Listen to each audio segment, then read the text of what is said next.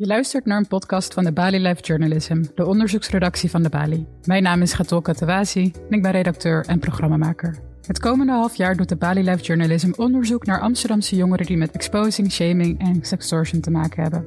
We brengen deze verhalen tot leven met theater, organiseren live bijeenkomsten, schrijven stukken, maken samen met AT5 videoreportages en nu dus ook podcasts. We zien op sociale media, bijvoorbeeld op Telegram, openbare groepen met soms tienduizenden leden waarin de hele dag door ongewenste foto's, soms intieme foto's worden verspreid. Het is een relatief nieuw, onzichtbaar, maar toch groot probleem.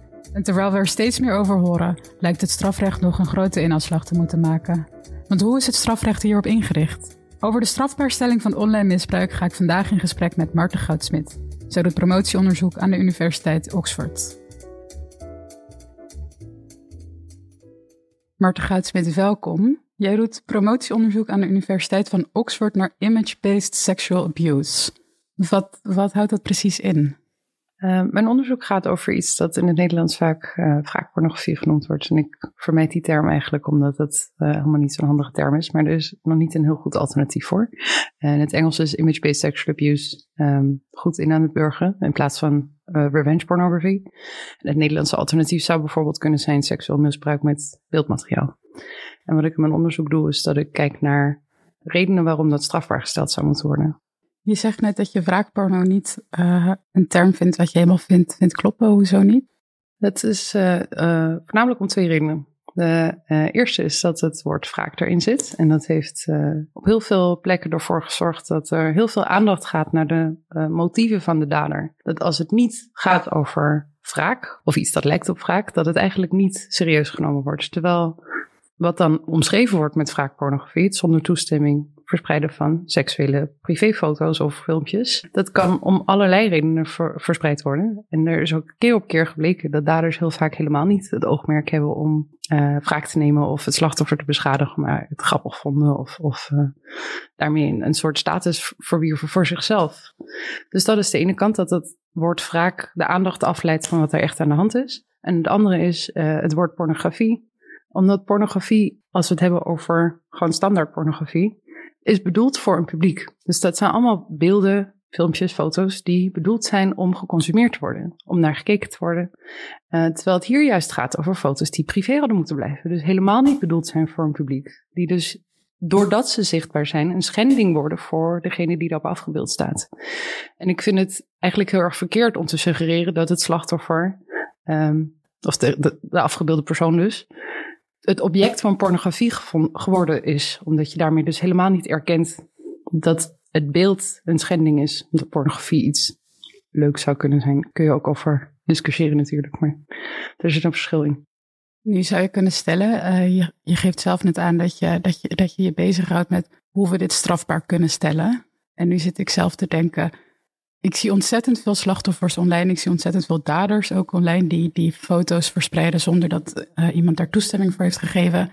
Waarom zijn die termen zo belangrijk? Waarom halen we niet elke recht of elke wet aan die we pakken kunnen om zo iemand uh, strafbaar te stellen? Dat is een hele goede vraag. Ik denk dat terminologie heel erg belangrijk is. Uh, in de eerste plaats om slachtoffers goed te herkennen. Dat is niet zozeer een juridische reden, maar wel eentje die denk ik um, bijdraagt in de mate waarin we een, een vorm van rechtvaardigheid voor slachtoffers kunnen bereiken. Het maakt ook heel erg uit als dader waar je van beschuldigd wordt. En dat, dat kan vanuit het perspectief voor de dader is het dus heel erg van belang dat je niet van iets beschuldigd of veroordeeld wordt dat erger is dan datgene dat je gedaan hebt. Um, vanuit de maatschappij hebben we ook nog een belang dat we weten dat als iemand veroordeeld is, waarvoor diegene dan veroordeeld is. Dus het etiketje dat op zo'n uh, strafbaarstelling zit, is heel erg belangrijk voor eigenlijk alle partijen die daarbij betrokken zijn. En toegegeven, voor de dader is het eigenlijk juist heel handig als we het niet uh, uh, uh, misbruik met seksueel beeldmateriaal of seksueel misbruik met beeldmateriaal noemen, want dan, dan lijkt het wat minder erg. Dus in dit geval denk ik vooral dat we als samenleving en, en voor slachtoffers een belang hebben dat, dat op dit moment niet voldoende erkend wordt en waar tekort geschoten wordt, om, om dat beter te erkennen wat de schade is van dit soort gedrag. Ik wil toch nog even, even terughalen naar, naar, naar de basis. Wij zien binnen, binnen, binnen ons onderzoek ontzettend veel verhalen van jongeren waarvan hun naaktbeelden zonder, zonder toestemming zijn, zijn, zijn verspreid. En het lijkt alsof het verspreiden en het delen van die, van die naaktbeelden zomaar kan zonder enige consequentie. Kan jij, kan jij ons helpen te snappen hoe dat zomaar kan? Zit daar dan geen straf op? Kan je daar dan niks aan doen als, als slachtoffer of als samenleving of als bijstander? De, de strafbaarstelling van het verspreiden van seksuele foto's of, of naaktfoto's die privé hadden moeten blijven, is echt nog heel erg recent. Dus alles wat voor die tijd gebeurd is, is sowieso niet onder die strafbaarstelling te vatten. En de wetgeving die er voor 1 januari 2020 bestond, uh, schoot echt heel erg tekort. Na die tijd is er iets meer mogelijk geworden, omdat er nu een specifieke strafbaarstelling uh, uh, voor bestaat. Maar je moet niet uit het oog verliezen dat het heel moeilijk kan zijn om erachter te komen wie het gedaan heeft. En dat een overgrote deel van de schade niet wordt berokkend door de publicatie zelf, maar doordat die publicatie bekeken wordt. Dus als we dat met z'n allen negeren dat er een foto online staat, dan is dat voor het slachtoffer veel minder schadelijk, omdat hij zich niet de hele tijd zorgen hoeft te maken dat hij gezien is door iedereen. Op een manier die, waarop hij niet gezien zou willen worden of had willen worden. Dus ik denk, als je, als je het hebt over de verantwoordelijkheid die we daar zelf in moeten nemen en, en als maatschappij in zouden moeten nemen, gaat het over dat je, als je geconfronteerd wordt met een foto die zonder toestemming openbaar gemaakt is, dat je die niet mag zien, niet mag verspreiden, dat je er niks mee mag doen, omdat je bijdraagt aan het misdrijf. En ik denk dat dat een rol is die we nog niet goed erkennen, waar, waar we ook nog niet goed van onszelf vinden dat we dat echt doen. Dat je toch, precies. Dus dat je als toeschouwer je eigenlijk niet verantwoordelijk voelt voor uh, het leed dat slachtoffers wordt aangedaan. Terwijl ik denk dat dat bij dit soort misbruik juist heel erg uh, wel aan de orde is, omdat het gaat over de zichtbaarheid van een slachtoffer. Dus als we niet kijken, dan wordt het leed niet uh, tot stand gebracht. Het gaat namelijk bij een beeld van iemand, een foto van iemand, gaat het over dat, het, um, dat je niet meer op dezelfde manier in staat bent om relaties aan te gaan met anderen, zoals je voor die tijd wel was. En wat ik daarmee bedoel is dat je je identiteit ontwikkelt door je relaties met anderen. Dus in eerste instantie met je ouders en met je directe familie. En op een gegeven moment ontwikkel je vriendschappen en collega's. En dan ga je associëren met je werkplek en je hobby's en je verzin Als al die mensen jou opeens op een manier te zien krijgt waarop je niet door hen gezien wilde worden, dan tast dat jouw mogelijkheid om die relaties op jouw manier te onderhouden aan. Dus jij kunt ineens niet meer uh, gezien worden als iemand die op een bepaalde manier zich professioneel kan verhouden tot, tot een groep mensen, omdat je altijd alleen maar gezien wordt als diegene van die seksfoto. Dat is iets dat we kunnen beperken in ieder geval door niet naar dit soort beelden met een soort sensatiezicht te kijken. En dat is heel erg moeilijk, want als iets zichtbaar is, dan kijken we graag, volgens mij altijd. Maar dat is volgens mij het punt waar we, waar we als samenleving een veel grotere verantwoording kunnen nemen. Dus je zegt eigenlijk los van, los van dat wat de wet nog zou kunnen doen, hebben wij als samenleving, als, als, als, als mensen, als burgers allemaal een taak hierin. Uh, en ja. dragen we ook bij een probleem. Ja, precies. En ik denk dat dat in heel veel gevallen zelfs de enige manier is waarop we iets echt aan kunnen pakken. Um, vooral als het gaat over dingen die niet zozeer strafbaar gesteld kunnen worden. Dus bij, bij, bij seksuele foto's kun je de grens ergens neerleggen, maar die moet algemeen zijn. Dus er zullen altijd foto's zijn waarvan iemand zegt: Ik vind dit ook een seksuele foto van mezelf. Ik wil ook niet dat die gepubliceerd wordt. Um, maar dan zal de rechter misschien zeggen: Ja, maar wij, wij in het algemeen vinden dat geen seksuele foto. En dan komt het er eigenlijk op neer dat je pech gehad hebt. En dat is iets dat veel aan de hand is bij exposing. Dus iets dat onlangs in het nieuws kwam. Steeds meer gebeurt. Nu, nu, nu ben ik wel benieuwd. Even, even, even terug naar jouw eigen onderzoek. Want jij houdt je bezig met uh, het strafbaar stellen van het verspreiden van naaktfoto's. Um, en je geeft net ook aan dat er sinds vorig jaar uh, een nieuwe wet is aangenomen. waarmee dat makkelijker gaat of beter gaat. Zijn we er dan al? Nee, daarmee zijn we er niet. Uh, nee, helaas. Die wet die vorig jaar is aangenomen, die is die is een stuk beter dan, die, dan die, uh, de wetten die we daarvoor hadden. Uh, wat ermee strafbaar gesteld wordt is de verspreiding van seksuele foto's of die nou wel of niet met toestemming zijn gemaakt. Dat is heel belangrijk, dat ook foto's die met toestemming zijn gemaakt onder die strafbaarstelling kunnen vallen. Dus iemand die zelf een, seksuele foto uh, naar iemand anders heeft gestuurd, valt niet buiten die, buiten die strafomschrijving. Die strafbaarstelling die kijkt dus naar de foto's of die van seksuele aard zijn. Daar had ik net al even over. Dat als, je, als jij dan vindt dat het een foto van seksuele aard is, dat dat niet per se iets is dat de rechter met je eens zal zijn. En er is nog niet gedefinieerd wat dan precies een seksuele foto is. Omdat de wetgever niet in de, in de strafwet zelf niet heeft gezegd, dit is wat we bedoelen met een seksuele foto, is dat iets dat de rechter daarover moet bepalen. Dus dat betekent dat er op een gegeven moment een rechtszaak zal komen waar het punt van discussie is, is dit nou wel of niet een seksuele foto? En dan moet de rechter zeggen, in dit geval niet of in dit geval wel. En dan maakt het eigenlijk niet uit of het slachtoffer dat vindt. Dan gaat het alleen maar over of de rechter dat vindt. En waar is dit nu op gebaseerd? Wat bedoel je?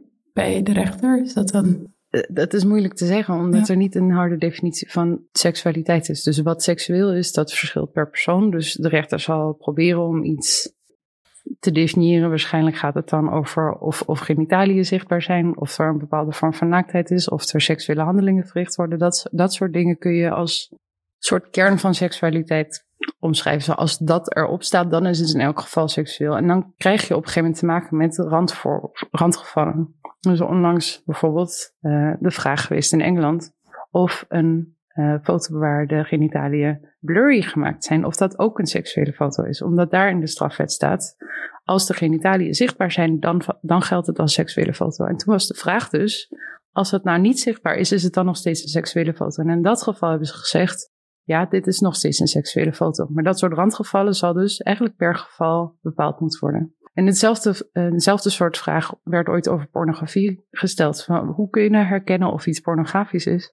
Nou was een Amerikaanse rechter die gezegd heeft, ik, kan het herkennen als ik het zie, maar ik kan het je niet uitleggen. En dat is helaas bij seksuele dingen heel vaak het geval, dat je het wel kunt herkennen, maar niet kunt definiëren. Nu ben ik nog, nog steeds op zoek naar, naar, naar, een antwoord op de vraag of die wet van, van vorig jaar toereikend genoeg is. En uh, je zegt dat dat niet zo is dat is omdat er uh, te veel gegeneraliseerd wordt. En nog te weinig aandacht is voor maatwerk. Of gaat het over het opzoeken van, van grenzen? Wanneer is iets wel seksueel, wanneer niet? Uh, ik denk dat die niet per se niet toereikend is vanwege het gebrek aan, aan de mate waarin die specifiek is. Um, de strafwet zal altijd een, een soort generalisatie moeten blijven hebben. Ik denk dat die uh, onvoldoende helder maakt wat er allemaal onder valt. Dus seksuele foto's worden wel uh, benoemd als, als, als beelden die daaronder vallen, maar worden nog niet aangewezen wat er dan precies mee bedoeld wordt. Een van de dingen die, die nog helemaal niet helder is, is of nepfoto's er ook onder vallen. Dus uh, vooral de laatste tijd veel over deepfakes, maar ook voordat deepfake-technologie bestond uh, en, en, nu nog steeds gewoon photoshoppen. Als, als het lijkt op een foto van jou, maar het is niet jouw lichaam, wordt het dan behandeld als een, een, een foto zoals bedoeld wordt in die wet. En die wet die biedt er ruimte voor dat dat, dat eronder valt. Maar zeg niet dat het echt zo is. En het was mooi geweest dat de wetgever dat gewoon had gezegd. We bedoelen ook nepfoto's die er gewoon uitzien alsof jij dat bent. Maar dat is niet, niet uh, expliciet gemaakt. En ik denk dat dat wel zou moeten. Dus dat is ook een vraag die nog voor de rechter moet komen. Maar ik denk dus dat het zou moeten, omdat het weer gaat over. Het ziet eruit als iets dat jij bent. En het maakt eigenlijk niet uit of het echt een foto van jouw lichaam is of niet. Op het moment dat andere mensen zich anders tot jou gaan verhouden en jou zien als degene die daar op die foto staat, dan word je daarmee net zo erg geschonden als wanneer je dat echt bent. Het lichaam dat er afgebeeld is, is niet het lichaam van het slachtoffer. Maar het slachtoffer wordt op dezelfde manier beperkt in de mogelijkheid om zijn eigen identiteit te ontwikkelen, om, om relaties met anderen aan te gaan, om op een professionele manier gezien te worden. Dus de reputatieschade, en dan bedoel ik niet de reputatie zo, oh je, je bent moreel goed, maar gewoon jouw hele imago van wie jij bent, hoe je gezien wordt door anderen, wordt geschonden, of het nou een echte foto is of niet. Uh, dus dat is, een, dat is een hele belangrijke vraag die nog onbeantwoord is gebleven en die wel beantwoord moet worden.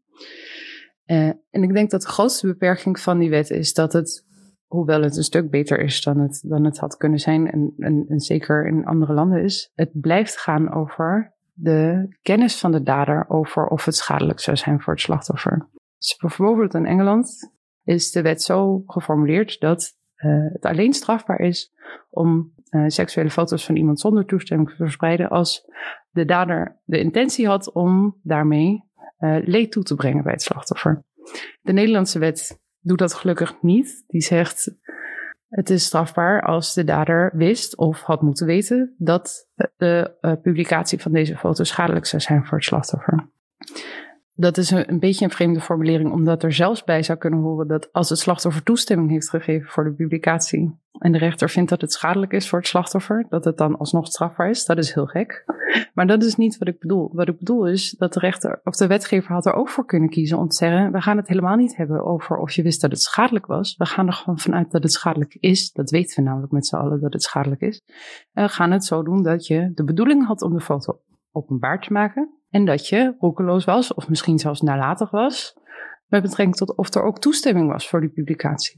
Dus je hebt een, een seksuele foto van iemand in handen. Ga je ervan uit dat je die zomaar openbaar mag maken of niet? Ik denk dat we eigenlijk met een gewoon gezond verstand kunnen zeggen: we weten met z'n allen dat we dit niet zomaar openbaar kunnen maken. En als je dan nalaat om na te kijken of degene die daar op de foto staat daar wel toestemming voor heeft gegeven, dan kun je daarmee ook ervoor zorgen dat je geen onschuldige daders strafbaar stelt. Want dat is wat de strafwet wil voorkomen. Dat je niet per ongeluk iemand bestraft die zich van geen kwaad bewust was. En ik denk dus dat je daarvoor niet alleen maar hoeft te kijken naar de motieven om het slachtoffer schade toe te brengen. En ik denk dat we daar veel te veel aan blijven hangen. En ik denk dus eigenlijk dat dat een gevolg is van die term wraakpornografie. Dat we veel te veel blijven kijken naar dat oogmerk van wraak. En, en er moet iets pijn doen bij het slachtoffer. Heb je het gevoel dat daar een verschil kan kunnen komen als het bewustzijn over uh, de impact die uh, gebeurtenissen in die online wereld op mensen kan hebben, dat, die, dat dat ook hele offline impacten kunnen hebben, dat dat al een verschil zou kunnen maken in, in hoe we berechten? Ja, dat zou kunnen.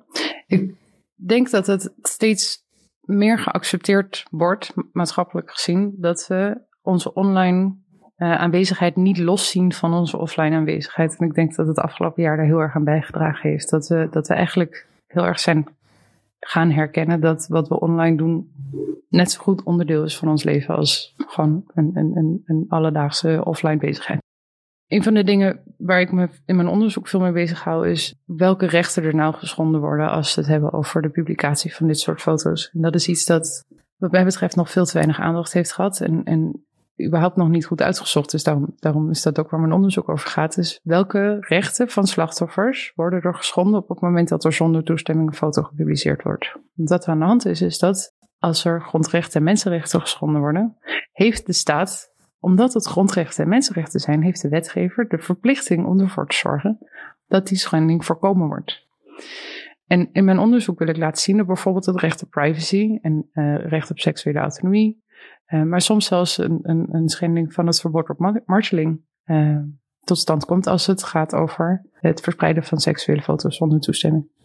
En als je dat kunt laten zien, dat is dus wat ik aan het doen ben, dan kun je daarmee aanwijzen dat de wetgever niet alleen maar dit soort gedrag mag strafbaar stellen, maar dat ze dat zelfs zouden moeten doen. En op dit moment denk ik dat dat nog te veel onduidelijk is. Dat het echt gaat over iets dat zodanig ernstig is, dat het niet gaat over, ach ja, we kunnen deze mensen die zo dom zijn geweest om foto's van zichzelf te laten maken, die kunnen we wel een beetje tegemoetkomen door, door een strafbaarstelling op te stellen. Maar dat het echt gaat over iets, nee, dit, dit is niet de schuld van deze mensen. Die mensen die, die hebben een goed recht om naakt op de foto te gaan, als ze dat zouden willen. En voor mensen die niet naakt op de foto hadden willen gaan, maar zo zijn vastgelegd, begint de schending daar natuurlijk al.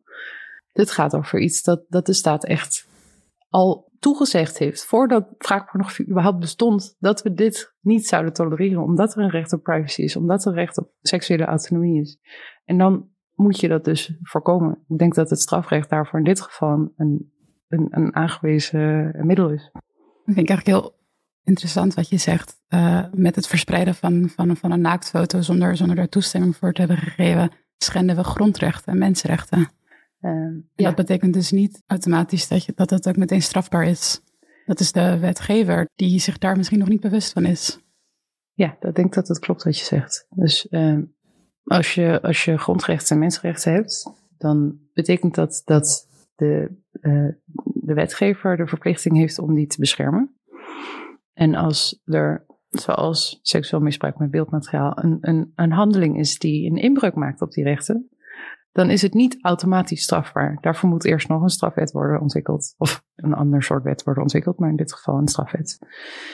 Dus wat er op dit moment gebeurt, op, als seksueel misbruik met beeldmateriaal niet goed strafbaar gesteld wordt, dan heb je dus een, een discrepantie tussen de rechten die je hebt en de rechten die beschermd worden.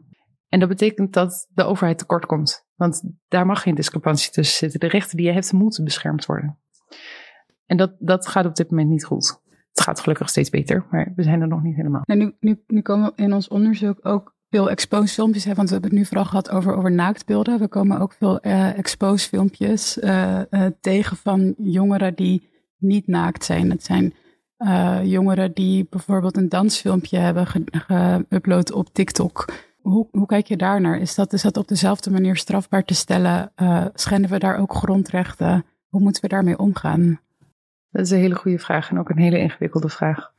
Wat daar uh, aan de hand lijkt te zijn, is dat het gaat over gedrag, dus een dansfilmpje, dat eigenlijk in een, in een soort algemene maatschappelijke setting helemaal niet als iets wordt gezien dat niet, niet seksueel, maar ook niet iets dat per se privé moet zijn en ook niet iets dat per se schadelijk voor jou is als dat wel zichtbaar is.